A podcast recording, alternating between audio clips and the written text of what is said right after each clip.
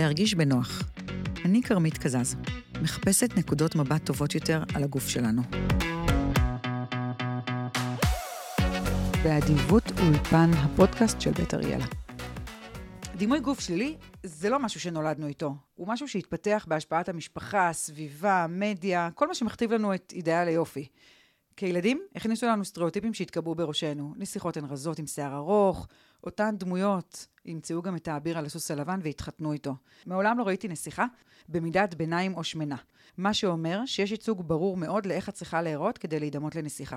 המסרים האלו ממשיכים להיות זורים לאורך כל חיינו. אל תאכלי יותר מדי כדי שלא תשמיני. ראית איזה יפה היא רזתה?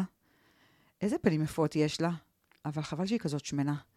את יפה ורזה ואת יכולה להיות דוגמנית. העולם שסביבנו מלא במסרים האלו, ואנחנו צריכות לדעת איך לתווך את העולם הזה לילדים שלנו. אבל רגע, רגע, מה איתנו?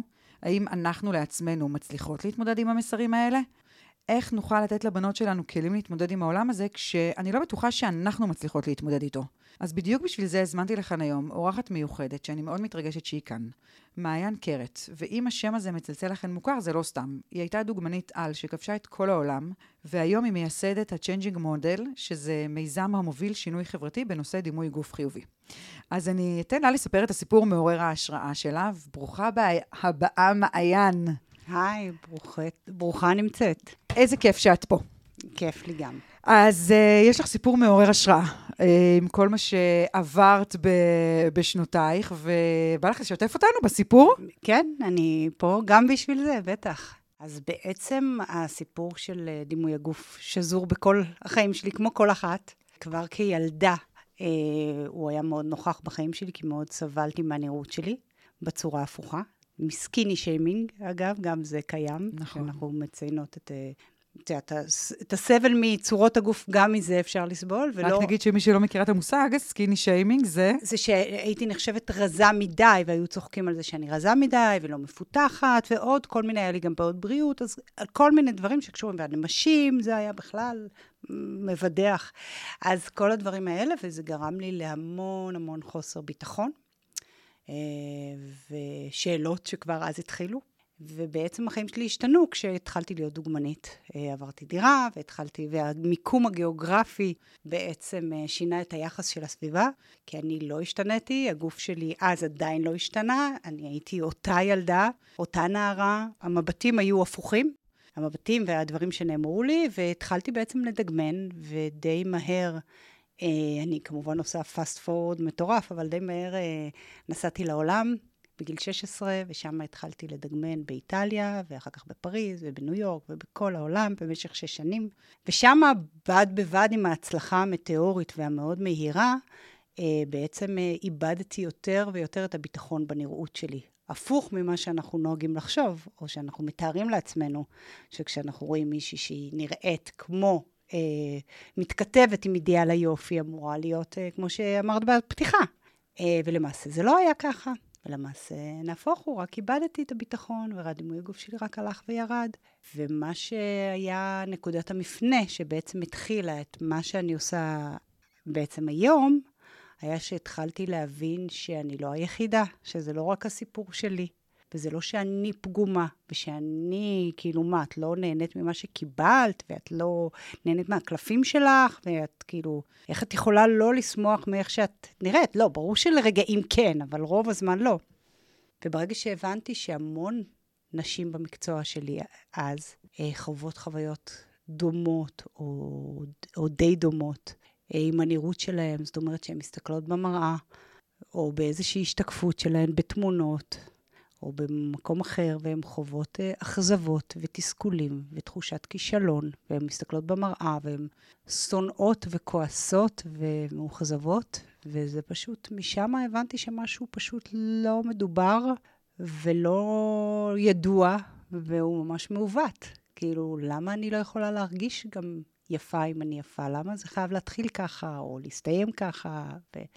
והמחירים שיש בתוך הדבר הזה, ואיך זה משפיע על נשים אחרות, ושם בעצם התחילה הסקרנות שלי והתשוקה שלי לנושא הזה, ומשם חזרתי לארץ עם ידיעה שאני הולכת איכשהו לדבר על זה, עוד לא ידעתי מה זה הדבר הזה, עוד לא ידעתי איך קוראים לזה, אבל ידעתי שאני חייבת לדבר על זה, שיש לי פה איזה ידע או הבנה שאין, שאין לה מקום בעולם שלנו, ואיכשהו צריך למצוא את הדרך להביא אותה.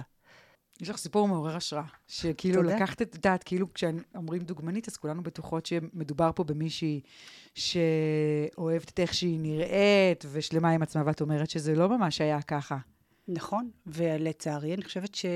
שאני לא היחידה, אולי אני יח- יחידה, או לא היחידה, אבל אחת מהיחידות שמדברת את זה, אבל אני ממש לא היחידה שחווה את זה. מבינה? שזה זה כל כך חשוב להגיד את זה. נכון. איך הגבת כשעברת למרכז ופתאום התחלת לקבל מחמאות על הנראות שלך? הרגשתי ווינרית בהתחלה. הלוואי וכל החברים שלי מראש פינה ידעו את זה, כי, כי הנה, אבל אה, לא האמנתי לזה. לא חשבתי שזה קשור אליי. חשבתי שעוד מעט אז זה ייגמר, שעוד מעט אני אתבדה, שעוד מעט מישהו יגיד לי את האמת. אה, ואולי הם לא רואים נכון. תסמונת אולי יש- המתחזה. כן, ואולי זה לא, לא יכול להיות, כאילו.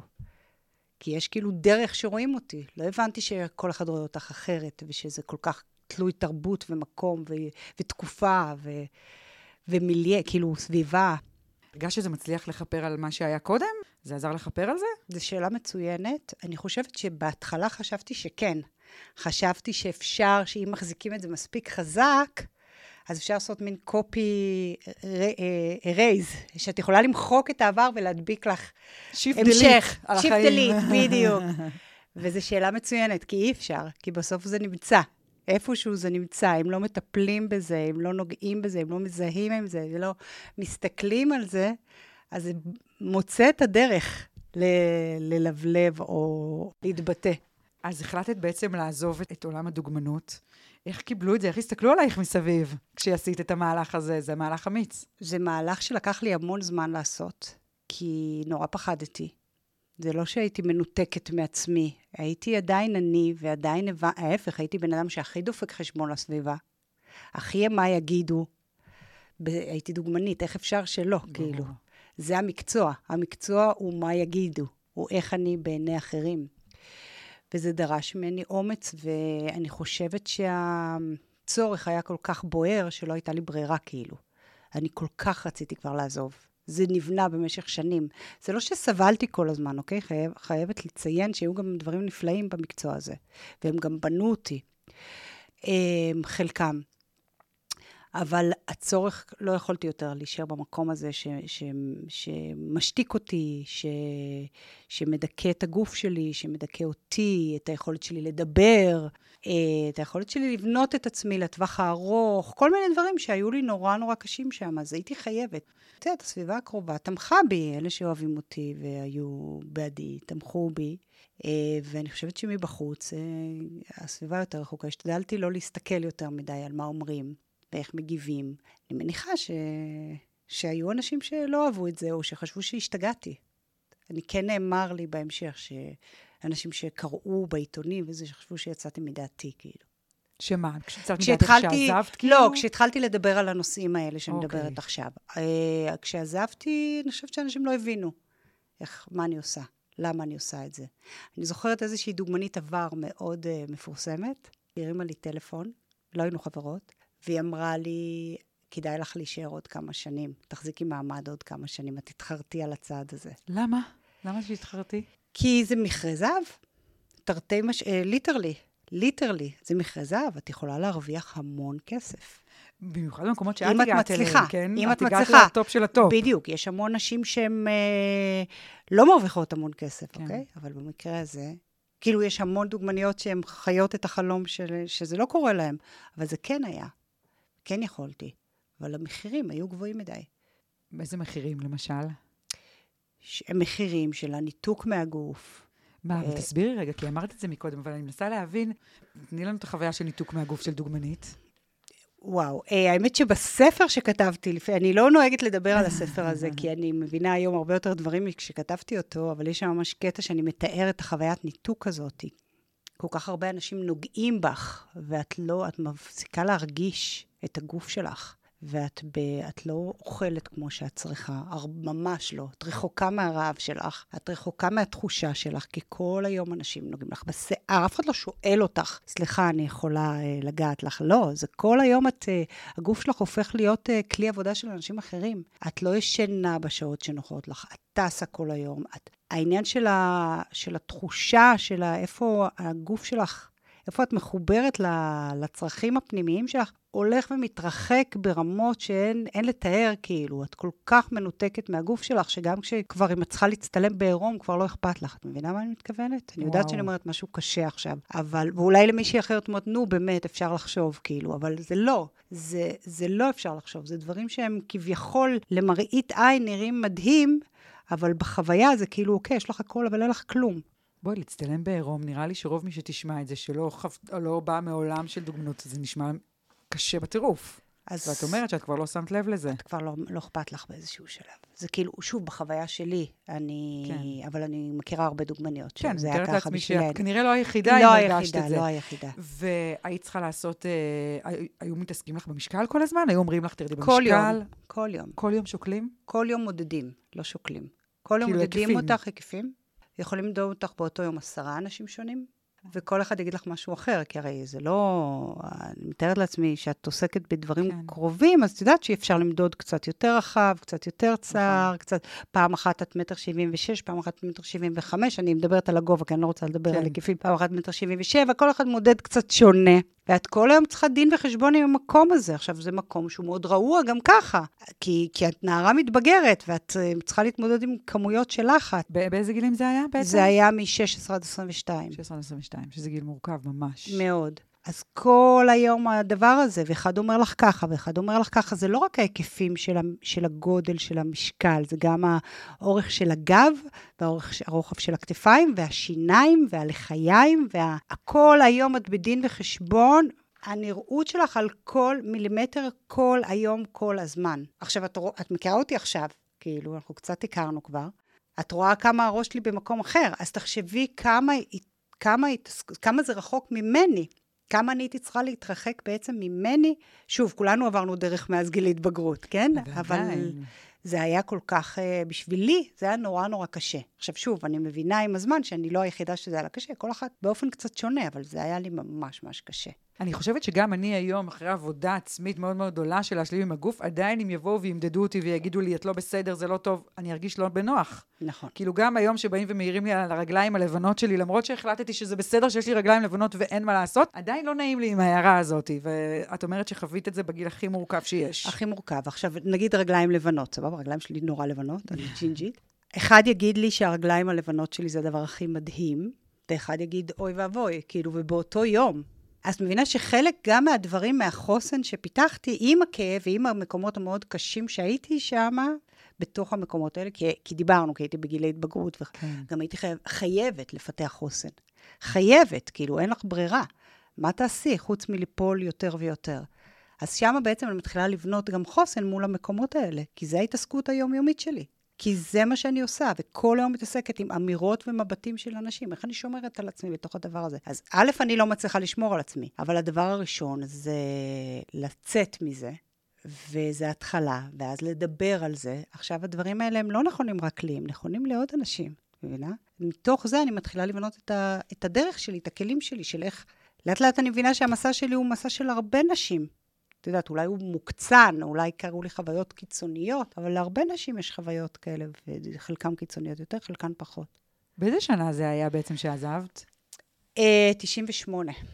שאז בעצם, כאילו, דימוי גוף, 1900... זה לא היה משהו שהיה במיינסטרים, כמו שהיום אנחנו מדברות על זה, ורואות את זה פתאום שמדברים על זה בטלוויזיה. ממש לא. מדברת על תקופה שזה כאילו היה נשמע הזוי, מה שאת מדברת. עליו. הזוי. אני ממש דיברתי משהו שאף אחד לא דיבר. לא היה, לא, לא היה את המילה דימוי גוף גם, זאת אומרת, זה לא שהיא לא הייתה קיימת, היא הייתה חלק מפסיכולוגיה וסוציולוגיה, אבל לא היה, לא היה לה מושג, לא, אז רק בשנים האחרונות התחילו נכון. להגיד את זה. אז גם לא הייתי אומרת את זה ככה, הייתי קוראת לזה בכל מיני, היה לי היחס, מערכת היחסים שלך עם הגוף, היה כל מיני מילים להגיד את הדבר הזה. אז כן, לא דיברו את זה באותה תקופה, כן. ואני מתארת לעצמי שכמו שאני מכירה את התקופה שגדלנו בה, שהיא הייתה גם מאוד מקדשת רזון, והיינו, אני מרגישה שאני גדלתי כשמנופובית הרבה פעמים, אני מתארת לעצמי שכאילו כולם הסתכלו עלייך ואומרים, נו, באמת. קיבלה מתנות והיא לא יודעת לנצל אותן. חד משמעית, זה מה שאמרו. את יורקת לבאר ששתית ממנה, בטח. שוב, אני השתדלתי לא להקשיב לקולות האלה, כי, שוב, הייתי במקום של uh, לרפא את עצמי. גם אם לא ידעתי שזה מה שאני עושה, אוקיי? כן. לשמור על עצמי, כי באתי באמת ממקומות מאוד קשים כבר. אז אחד הדברים היה לא לתת לקולות האלה, לא להקשיב להם. זה לא שלא שמעתי אותם בכלל, אבל גם כן, השתדלתי לעשות את כל המאמצים לא לשמוע ולא להקשיב למה שאנשים אומרים. כי אין לזה סוף. נכון. זה משהו שבטח את לומדת כדוגמנית, שאין סוף למה אנשים אומרים, אז כאילו, את חייבת קצת להתרחק מזה. שאף, אגב, זה שיעור מעולה, כי את מבינה שאף פעם אין, שלא כולם יאהבו את מה שתעשי, ואנשים לא, לא מבינים את זה. נכון. ובעצם אז אה, אה, היום את מעבירה סדנאות ממש ככה של, אה, שאת שומעת אותם יותר, זאת אומרת, זה לא רק הרצאה שאת מדברת. נכון. ואיך הם, אה, איך הבני נוער של היום לעומת מה שאנחנו היינו? אני יכולה להגיד שאני במשך השנים שומעת המון נוער, אז אני רואה את ההתפתחות כל הזמן, משנה לשנה. הם הרבה יותר אה, מודעים להכל, הכל הרבה יותר מדובר, הכל הרבה יותר גלוי, הרבה יותר בחוץ, הרבה יותר חשוף. המון דברים שאנחנו בכלל לא ידענו, ואם ידענו זה היה בחדרי חדרים ובסודיות, הכל בחוץ. אז אנחנו עוד לא יודעים... מה, תני לי דוגמה. אנחנו עוד לא יודעים לאן... הן רוצות לדבר על הווסת? את יודעת, בדור שלנו זה היה מביך לדבר על זה. מעולם אמא שלי לא דיברה איתי על המחזור. הן מדברות על זה חופשי, כאילו, כולם, וזה יכול להיות בצעקות ליד הבנים. טמפון, זה, הכל, ככה. שזה מקסים. זה מקסים. זה דורש ממני כל הזמן גם להיות... להתעדכן, ולהיות מופתעת בטח כל פעם עם משהו חדש שעד עכשיו לא שמעת. אז אני חושבת שגם בנושא הזה של דימוי גוף, אנחנו עוד לא לגמרי מבינים עד הסוף, כי זה באמת כל כך משתנה כל הזמן. זה כל הזמן משתנה. אבל נגיד, בוא, בוא ניקח רגע כן. סיטואציה שאת נמצאת בה, את נמצאת עם הבני נוער, את מגיעה אליהם מטעם הבית ספר, ואז ההורים שלהם יכולים להיות בדעה אחרת ממה שאת מציגה.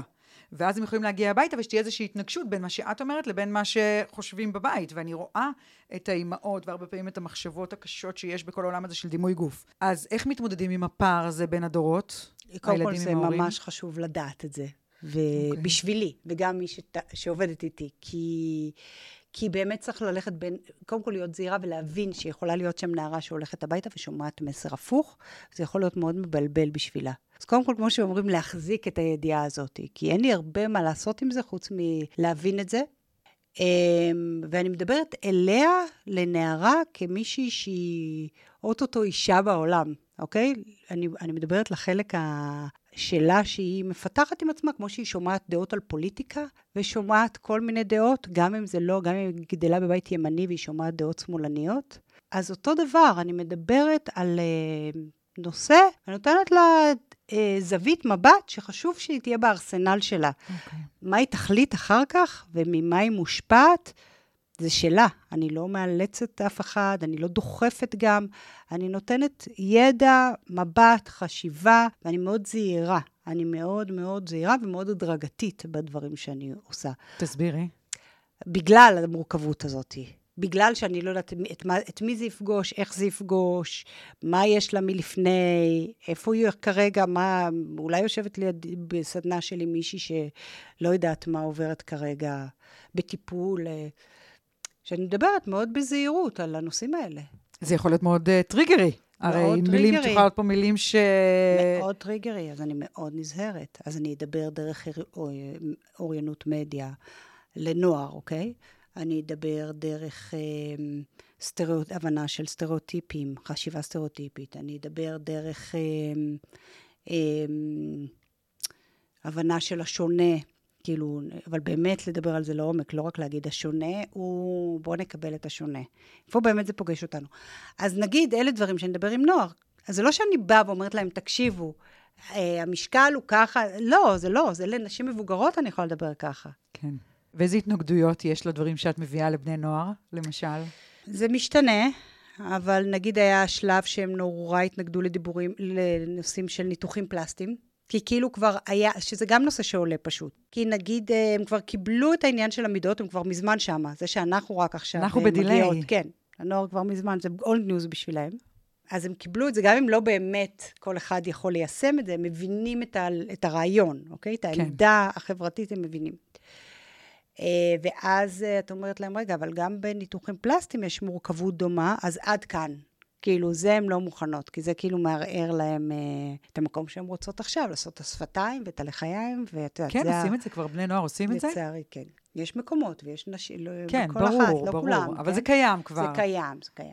אז זה למשל התנגדות שעולה לי. אה, הרבה פעמים יש התנגדות סביב הנושא של בריאות. של רגע, אבל את אומרת משהו, את אומרת לנו לקבל את כל מבנה הגוף באשר הם, אבל זה לא בריא. אז איך את יכולה להגיד דבר כזה? זה התנגדויות שיש גם למבוגרים. נכון. זה התנגדות. גם טיפוח, זה נושא שיש התנגדות לגביו. אז מה, את קוראת לנו להזניח את עצמנו? לפעמים אפילו, אני חושבת, גם התנגדויות של בוג, מבוגרים, לפעמים גם הזנחה. מה, אה, זה אותו דבר. לא, ניקיון רציתי כן. להגיד. אבל זה לא קשור, זה, זה מה שאנשים מערבבים אה, שיח, שיחים, שיחים, כאילו דיונים, זה, דיונים, זה שני כן. דברים שונים. נכון שהם מתערבבים, נכון שהם זולגים אחד לשני, אבל זה לא מה שאני אומרת. אני לא מתיימרת לא לדבר על בריאות, לא לדבר על טיפוח, אוקיי? הדברים האלה, אני יכולה להביע עליהם דעה, ואני יכולה, והם, שוב, הם קשורים, אבל אני מדברת אה, על, על לגיטימציה לכל מבנה גוף באשר הוא, וכ- וכל נראות באשר היא. ואגב, טיפוח, אני מדברת גם על לגיטימציה לטיפוח, כל, כל טיפוח שהוא, כאילו, רבדים שונים של טיפוח. אני חושבת כן. שאם אני יכולה להגיד את זה במילים אחרות, זה כאילו לפעמים, נגיד, יכולה להיות שאני אבקר, אם אני אוהבת להתאפר, אני אבקר מישהי שלא מתאפרת, ולהפך. בדיוק. ואני חושבת שזה אחת הנקודות החשובות, באמת לקבל כל, כאילו, כל אחד הוא שונה לגמרי. לגמרי, וזה מאוד מאתגר, מאוד מאתגר לקבל את זה. זה לא פשוט. זה קל להגיד, זה קשה ליישם. אבל לא קורה שכאילו מישהו ככה מתרומם באמצע הפגישה הזאת, את יודעת, מהבני נוער, ו- וכאילו מטיח על השולחן, אה, את לא צודקת, את לא יודעת, כאילו, אני, אני מנסה לחשוב על כל מיני סיטואציות ש, שאני רואה.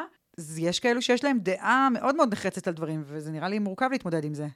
Mm, קודם כל, זה לא מורכב לי, כי אני כבר עושה את זה שנים, ואני רגילה לשמוע הכל. הניסיון אז, חשוב, בוא נסגור את ה... הניסיון חשוב, בטח, אה, זה כן. נורא נורא חשוב. אני כבר מכירה את כל ההתנגדויות. שום דבר לא מלחיץ אותי כבר. אה, לפעמים מי שמתנגד זה בנים, ולא בנות. וואלה. בנות הרבה יותר פתוחות לשמוע, אצל הבנים זה עוד ככה... שוב, אני לא פותחת שום דבר, אני רק מדברת על מבני גוף. ושם מתחיל אה, בריאות, בריאות, בריאות, וכל מיני כאלה. לפעמים המורים לספורט, מהם יש התנגדות, לא מהתלמידים בכלל. מורים אה, לספורט, אה, הגישה שלהם, אם אני מבינה נכון, היא מעט מיושנת בסיפור הזה, נכון? לפעמים, יש, יש ויש, יש מורים לספורט הכי. עדכניים וזה, אבל כן. יש, כן, כן. אז כל מי שזה כאילו טיפה מערער לו סדרי עולם כזה. אז כן, אבל אני לא מתרגשת, אני קודם כל עונה מאוד בכבוד, אני לא, מתערב, אני לא באה להוכיח אף אחד, אני לא באה להגיד לו... אני אומרת, זאת, תקשיב, לא תקבל, לא תקבל, בוא תשמע, בוא תבין, ואני מסבירה למה אני, מה העמדה שלי ואיך זה קשור, אה, ולמה זה לא... כאילו, בקיצור, מסבירה, וזהו, ומתמודדת עם ות- התנגדויות. נתתי לך כן. טיפ לחיים, עכשיו תחליט אם אתה רוצה לקחת את זה או לא. לגמרי, לגמרי. אז מה, מה, מה אומרים לנשים או לבני נוער שהם אומרים שרזה זה יפה יותר? שאפשר, שרזה זה יפה יותר. אמ, תראי, קודם כל זה לא... קודם כל, השארתי אותך לרגע בלי מילים, אני מופתעת. כן, כן, כן. לא, כי זה בסדר, אנחנו בתהליך. זה בסדר, אנחנו לא צריכים להגיד שזה אף פעם לא נכון. אוקיי. אה, לפעמים רזה זה יפה יותר, לפעמים לא. אה, וזה לא רק עניין של יופי, קודם כל יופי הוא עניין, הוא בעיני המתבונן. נכון. יופי, הטעם שלנו יכול להשתנות אם אנחנו פתוחים. אה, וזה משהו גמיש ומשתנה, וכמו שאנחנו עוברים תהליכים פנימיים, גם המבט שלנו משתנה. אה, ויכול להיות מקרים שכן, ויש מקרים שלא. אז, אה, ו- ו- ושוב, אני לא הולכת להתווכח עם אף אחד על הטעם שלו, אני רק אה, אסביר מה אפשר לעשות כדי לפתוח את המנעד. זה עלה עכשיו הסיפור הזה של העמידה בחתונה מבט ראשון. נכון. וקודם כל אמרת דברים מאוד חכמים על זה, שמעתי את זה, ב... הקלטת איזשהו לייב או נכון, משהו על זה, נכון, נכון? נכון. אמ, אבל, ואני חושבת שאחד הדברים שהכי התחברתי שם, שזה כאילו, תשמחו שזה קורה, כי זה קורה. נכון. וזה אחד הדברים החשובים. נכון. מה, מה, התח... מה אם עכשיו את מדברת עם מי בעצם מכניס פעם ראשונה לפריים טיים בחורה במידה 44, מה את ממליצה לו לעשות כדי לעשות את זה נכון יותר? קודם כל, אני חושבת שהם כן עשו את זה נכון, אוקיי. בדיעבד. אני מבינה את כל הכעסים, ואני מבינה שעכשיו אני אעצבן כמה נשים שאני אומרת את זה. אה, אני חושבת שהם עשו את זה נכון, כי הם עשו את זה הדרגתי. כי אם הם היו מביאים מישהי, כי הם הביאו מישהי מקסימה במידה 44. 44. אה, ואם היו מביאות מישהי ש, שיש לגיטימציה ברור לכל אחת להיות בכל מקום, שהיא פחות כובשת ב, באישיות שלה ובקסם האישי שלה, אז יכול להיות שזה היה עושה, מייצר ההפך. זה היה מייצר כזה, כרגע זה עוזר לאנשים לקבל את המידה שלה, אנשים שהיה להם קשה לפני, ואז הם יכולים לראות מישהי אחרת פתאום, ולפתוח בכלל את זה שבכלל יש את המידה הזאת, והיא לגיטימית לא פחות ממישהי אחרת שהיא מידה נמו, קטנה יותר, שגם היא לגמרי לגיטימית, זה לא אחת במקום השנייה. אז אני חושבת שיש פה משהו הדרגתי, אני בעד הדרגתיות. אז אני חושבת שיש בזה משהו טוב. אגב, אני גם חושבת שהביקורת היא טובה, כי זה מעלה את נכון. השיח, וזה גורם לנו, לכולנו, לחשוב רגע, האם זה היה בסדר, לא בסדר. חד משמעית, וגם זה שאני אומרת את הדברים האלה לא שולל את הביקורת, אוקיי? ברור, ברור. כי הדברים, את יודעת, אנחנו בסוף, בסוף רוצות להגיד משפט, אבל יש פה, אפשר לדבר רק על זה עכשיו שעה, כמו ברור. שאמרת, עשיתי לייב שהוא היה חצי שעה, וגם אז צמצמנו אז אני אשים. קישור ללייב הזה, כי כן. הוא חשוב. תודה. אה, הוא חשוב, הוא מעניין, והוא... כאילו, כמו שאת אומרת, כל, הרבה ש... שיוצא כן לנהל איזשהו שיח בסדנאות על זה, אז הן אומרות לי, אנחנו, היא נורא חמודה, היא דווקא יפה, והיא דוגמנית, ו... אבל... אז אה, בוא נגיד רגע על זה שהיא דוגמנית, אוקיי? היא דוגמנית כי היא החליטה שהיא דוגמנית, אוקיי? אוקיי. זה משמעותי תסבירי. להבין. לא מודדים היקפים לדוגמנית אה, שהחליטה שהיא דוגמנית? כן, אני חושבת, אני לא מספיק יודעת במקרה שלה, בעיקרון כן, אבל אני לא בטוחה שהיא בכלל בקטגור... איך, איך בדיוק, אה, אני יודעת כי אני חברה של רי שגב, שהיא מייצגת אותה, או ייצגה אותה, או לא יודעת, לא רוצה להסתבך פה עם שום דבר. והבנות שמגיעות אליה לדבר הספציפי הזה, הן מחליטות, הן אומרות, אני רוצה להיות בפרונט, אני רוצה להיות... זה לא שהיא מתאימה לקטגוריות שהיו עד היום כדוגמנית.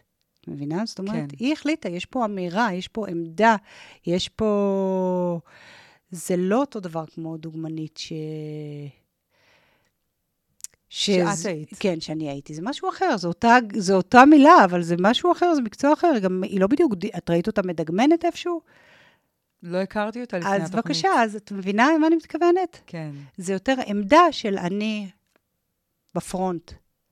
אני מודל. זה נקודה מעניינת מה שאת אומרת, כי בעצם את אומרת שעדיין מקצוע הדוגמנות, למרות שהיום אנחנו יכולות לראות מישהי כמו אשלי גרהם, שהיא השראה מאוד מאוד גדולה, היא עדיין, זאת אומרת, היא לא דוגמנית כמו שאת היית מבחינת המידות, ואיך מתייחסים לזה אז באמת בעולם הדוגמנות. לדוגמניות plus size שמגיעות, גם רייצ'ל שגב היא דוגמנית plus size. הייתה, אולי גם היום, אני לא סגורה על זה. לא, אז יש, יש תעשייה של דוגמניות פלאס סייז. אני פשוט לא יודעת ספציפית על מעיין כן. דור, אם היא הייתה לא, אני דוגמנית שואלת פלאס באופן סייז. כללי, לא על מעיין כן, באופן כן. ספציפי, אלא באמת על דוגמניות מו- פלאס כן סייז. מודדים אותם, כן מודדים אותם, ואני יכולה להגיד שקורים גם, גם דוגמניות פלאס סייז מפתחות לפעמים בעיות בדימוי הגוף. הם פשוט, אני כבר שמעתי על כמה שהרימו לי טלפון ואמרו לי, תשמעי, אנחנו לא יודעות הכל, זה הרבה יותר מורכב ממה שאנחנו חושבות. שאמרו לי, תשמעי, עצם זה שמודדים אותי כל יום, שאני חייבת לשמור על מידה יציבה, מאתגר אותי, ויש להם כל מיני, אני לא אכנס למה, לאן הן מגיעות, כל מיני דברים. אבל יש תנאי סף לדוגמנית פלאס סייז? איך זה עובד בכלל? יש תנאי סף, בטח. יש, יש אה, גובה מסוים, יש אה, פרופורציות, אז, אז זה עדיין באידיאל, אוקיי? כן. זה עדיין באידיאל. זאת אומרת, אם את אה, בחורה ו- של אה, מבנה של חלק תחתון רחב, אז את כביכול תראי, לא אני תתקבלי? פחות, אני פחות בתעשיות האלה. סחבתי אותך למקום שאת לא, פחות, אני, אה, אני פחות, זה מעניין אותי, וזה כן. חלק מהדברים שאני מדברת עליהם, אבל אני פחות ברזי המקצוע, כן. אבל יש מה לדבר על זה, כי באמת יש שם, הן מרוויחות פחות כסף, רובן, לא אשלי גרם, כן, אבל אשלי רובן... גרם, אבל היא מותג אה, כבר. נכון, אז, אז יש פה כל מיני uh, תת-נושאים כאלה, אבל אני לא, אני לא מספיק מבינה לא בזה. אוקיי, כן. בסדר גמור. אנחנו דיברנו על המידות של הדוגמניות, ועל באמת אה, אה, איך, אה, איך העולם הזה של דוגמניות פלאס סייז גם נכנס ככה לאט-לאט, והוא עדיין לא... קשה להתייחס לזה כדוגמנית רגילה. גם שמענו אמירות של, של מעצבת לא מזמן שדיברה על זה שזה לא דוגמנית. וכשאני הולכת לחנות בגלל זה, אני מרגישה שכולם שם לא מייצגות את האוכלוסייה. זאת אומרת, גם אם אני אסתכל על תמונות, אני לא אראה איך הבגד יושב על אישה במידה גדולה יותר. אני מרגישה שאם אני אה, אומרת לנשים, תתחילו להסתכל מסביב, לראות נשים בכל המידות, ואז הן נכנסות לחנות, וואלה, המידות הקטנות, הכל הכל קטן. את פוגשת את זה? כאילו, את פוגשת את זה אצל... אה, אני מתארת לעצמי שאצל בני נוער זה אפילו מטורף יותר. כן. קודם כל יש, אני רגע אחזור להתחלה של מה שאמרת, דוגמניות פלאסה היום הן לגמרי דוגמניות כמו דוגמניות רגילות. יש תעשייה כזאת. ברור, ברור. בעולם זה מאוד מפותח. המטרה היא להפסיק להגיד פלאס סייז, אגב. נכון. להגיד דוגמנית, אבל זה עדיין לא שם. שוב, עד כמה שאני יודעת, אני לא כן. בעומק הקור, בעובי הקור. אה, לגבי, אה, לגבי מה ששאלת, אני חושבת שזה אחד הדברים הכי כואבים. שאלת אותי מקודם על מה אני פוגשת אצל בני נוער, זה אחד הנושאים הכי כואבים, שהכי פוגשים בו את הקושי הזה של, ה, של המידות ושל הגוף, זה בחנויות בגדים.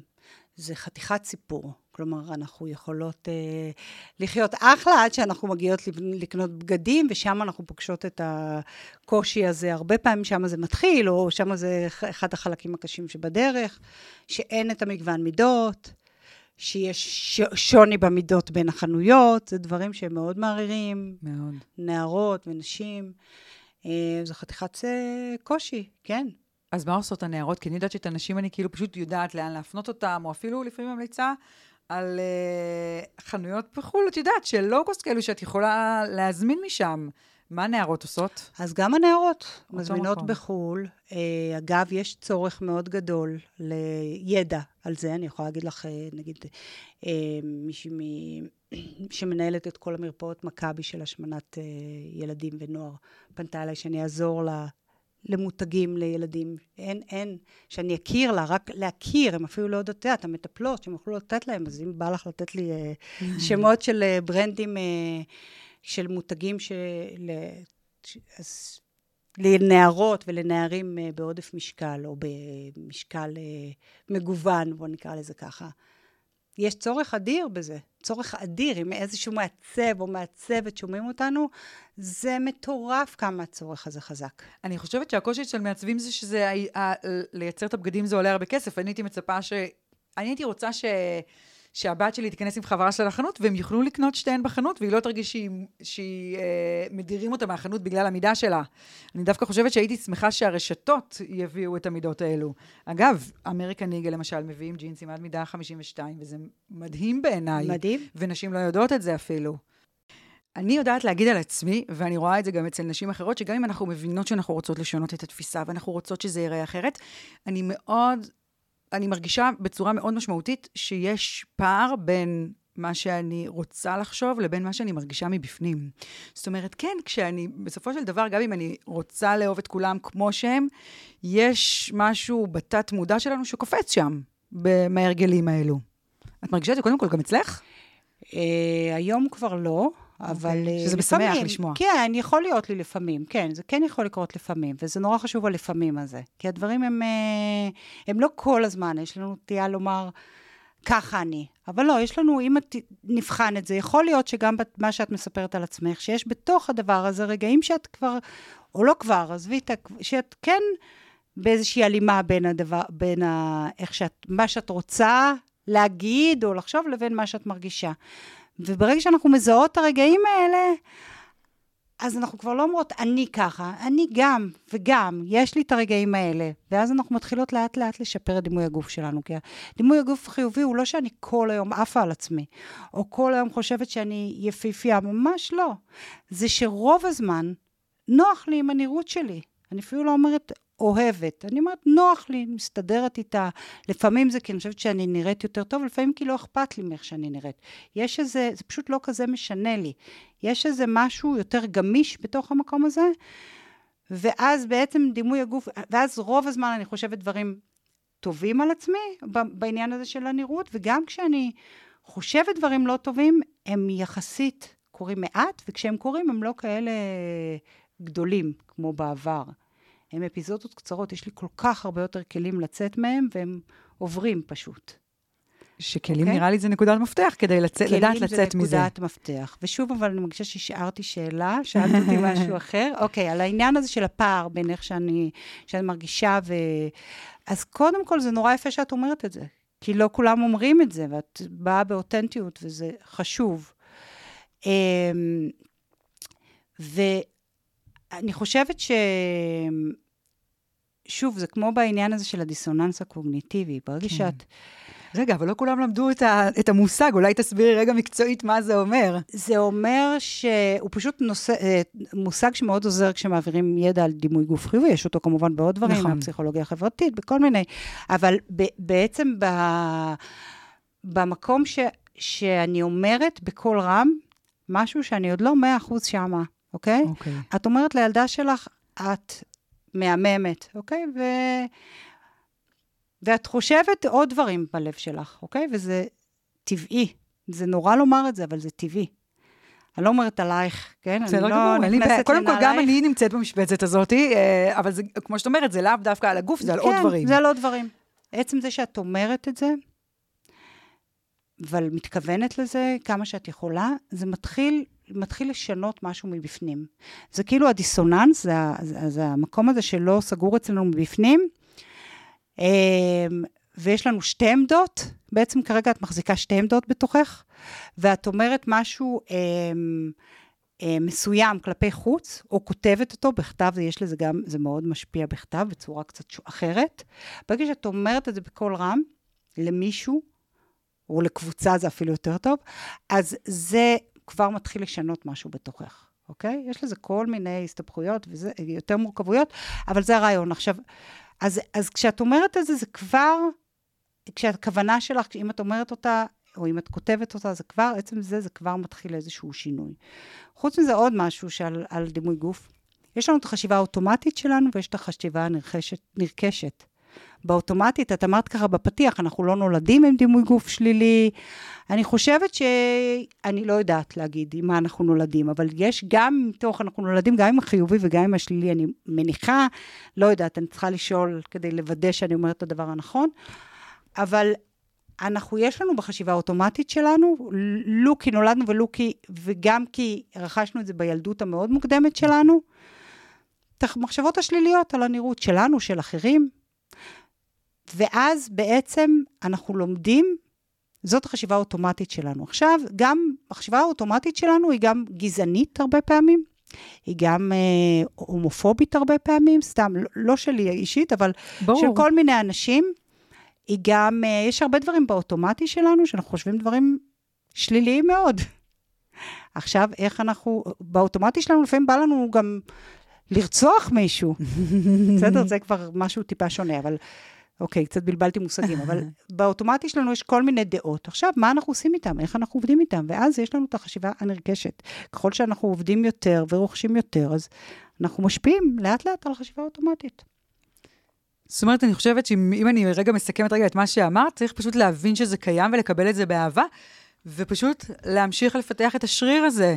אה, כמו ש- כל שריר שאני מפתחת בחדר כושר. בדיוק, בדיוק. אוקיי. הילדים שלך כבר גדולים אמרנו. נכון. אם הם היו רוצים להיכנס לעולם הזה של דוגמנות, איך היית מגיבה? יש לך בנים או בנות? יש לי שני בנים.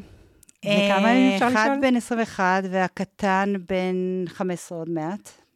אה, והוא לפעמים מציע, הוא לפעמים אומר אה, שהוא רוצה להיכנס לדוגמנות. הוא חושב שזה נורא קל. זה כי נראה קל, אני חייבת כן. להגיד, בתור מישהי שלא חוותה את העולם הזה מבחוץ, זה נראה זוהר. זה נראה לו קל שהוא ירוויח כסף בקלות. ואני יכולה לספר לכל העולם שזה לא קל, אבל בלי אמא שלך הרבה פעמים אתה לא מקשיב. נכון. בגלל זה זה גם, אה, בתור אשת מקצוע, אז אה, אני עושה את העבודה לאימהות, כי אני יכולה להגיד להם דברים דומים ממה שהאימהות אומרות, אבל אני באה מבחוץ, וזה קצת שונה. אז בבית שלי אין נביא בעירו, כמובן, בבית שלי הוא פחות מקשיב. אה, אז אנחנו מדברים על זה, ואני מספרת לו קצת שזה לא כזה קל.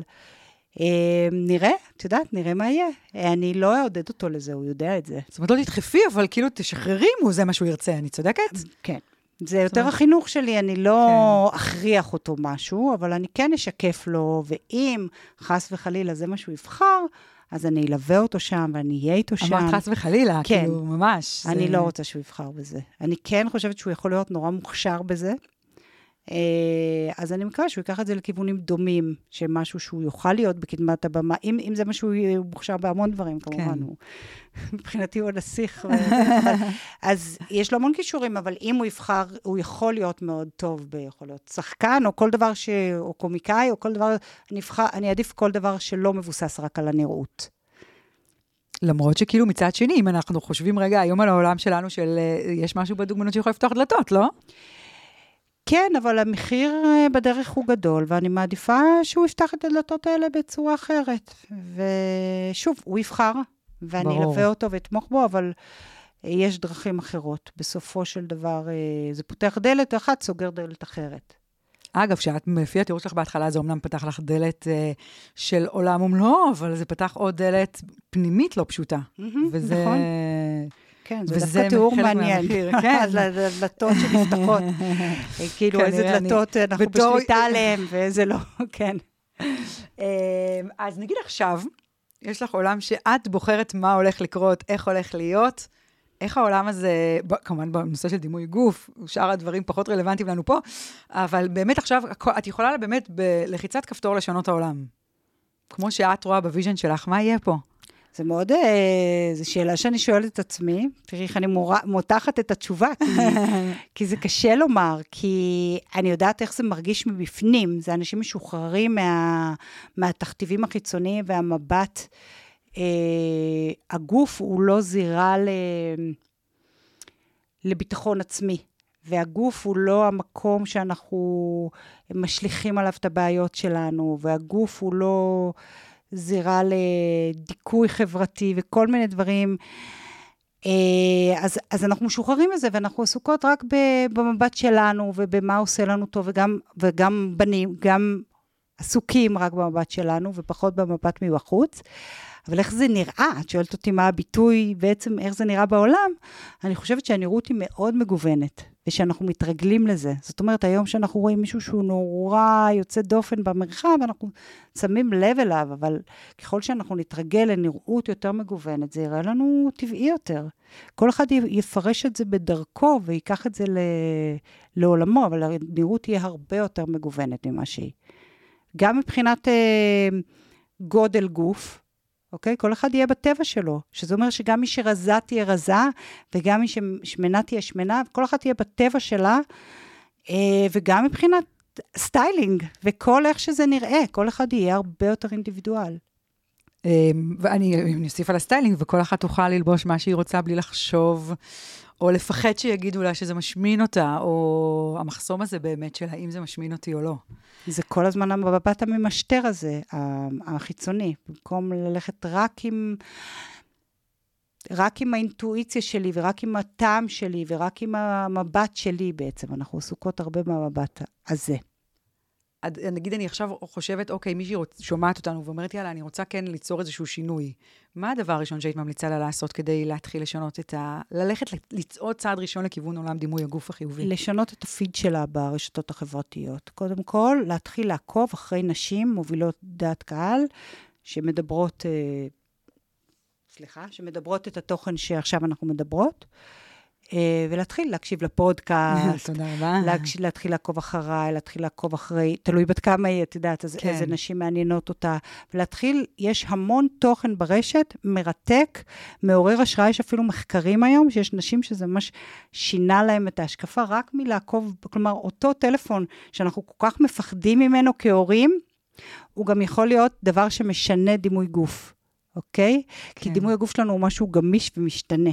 ואם אנחנו ניזונים מסביבה, אם אנחנו משנים את הפיד שלנו, ויש שם מלא נשים שמדברות אחרת, ומדברות את זה מהעומק, ומדברות את זה בצורה מעניינת ומחדשת ו- ומגניבה, זה יכול להיות uh, ממש משנה. אני, אני חייבת להסכים איתך, כי אני, אני שיניתי וזה זה מש, זה באמת משנה חיים, זה עושה, לוקח אותנו למקום אחר איזה לגמרי. איזה כיף לראות, איזה כיף לשמוע. אה, ממש. תראי, קודם כל, אני חייבת להודות שהסיפור שלך, גם כשקראתי אותו קודם וגם עכשיו, מתוך כדי השיחה, הוא מאוד מאוד נוגע בי, ואני לגמרי לוקחת, קודם כל, המהפכנות. את לקחת את המשהו שבאמת לא דיברו עליו, לא היה מקובל לדבר עליו, ויצאתי איתו החוצה, ואני חושבת שככה באמת דברים קורים. גם אם את אומרת, לא שיניתי את העולם, אבל עשית משהו ששינה פה. ו... וזה מאוד משמעותי, הצעדים האלו. ואני גם מאוד מתחברת ל... ל... את מאוד מכילה.